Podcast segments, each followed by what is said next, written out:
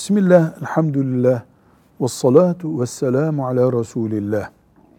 Mucize, Allahu Teala'nın peygamberlerine insanların yapamayacağı şeyleri yaptırmasıdır.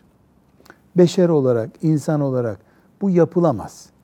Havada uçulamaz, suda yürünemez gibi mesela bir işi peygamberine yaptırır Allahu Teala. İnsanlar görsünler peygamber olduğunu ve iman etsinler diye buna mucize denir.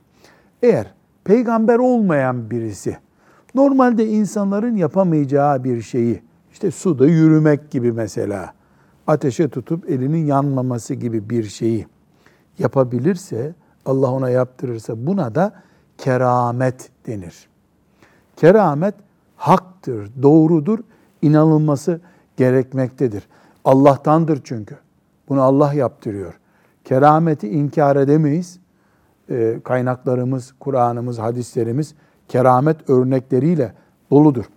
Ama Allah'ın dinine aykırı, şeriatına aykırı, küfre destek olacak, sapıklığı destekleyecek bir keramet olamaz. Böyle bir kerametin kıymeti yoktur zaten. Bu bir tuzaktır. Şeytan tuzağıdır. Biz onu keramet e, zannederiz.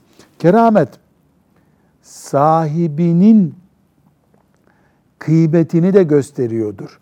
Yani herhangi bir şekilde sahibi değerli olduğu için Allahu Teala ona lütfetmiştir onu ama bu lütuf onun kıymetli biri olduğuna da işaret etmektedir. Biz kerametle mücadele etmeyeceğimiz gibi yani keramet yok, gerek yok buna demeyeceğimiz gibi keramet avcısı, kerameti olanı kovuşturma görevlisi de görmeyeceğiz kendimizi. Mümin insan Allah'ın Kur'an'ı, peygamberinin sünneti aleyhissalatü vesselam ümmetinin gidişatını güçlenmek için kendisine yeterli bulmalı. İlaveten hocasının kerametini araması bir insanın hoş bir şey değil.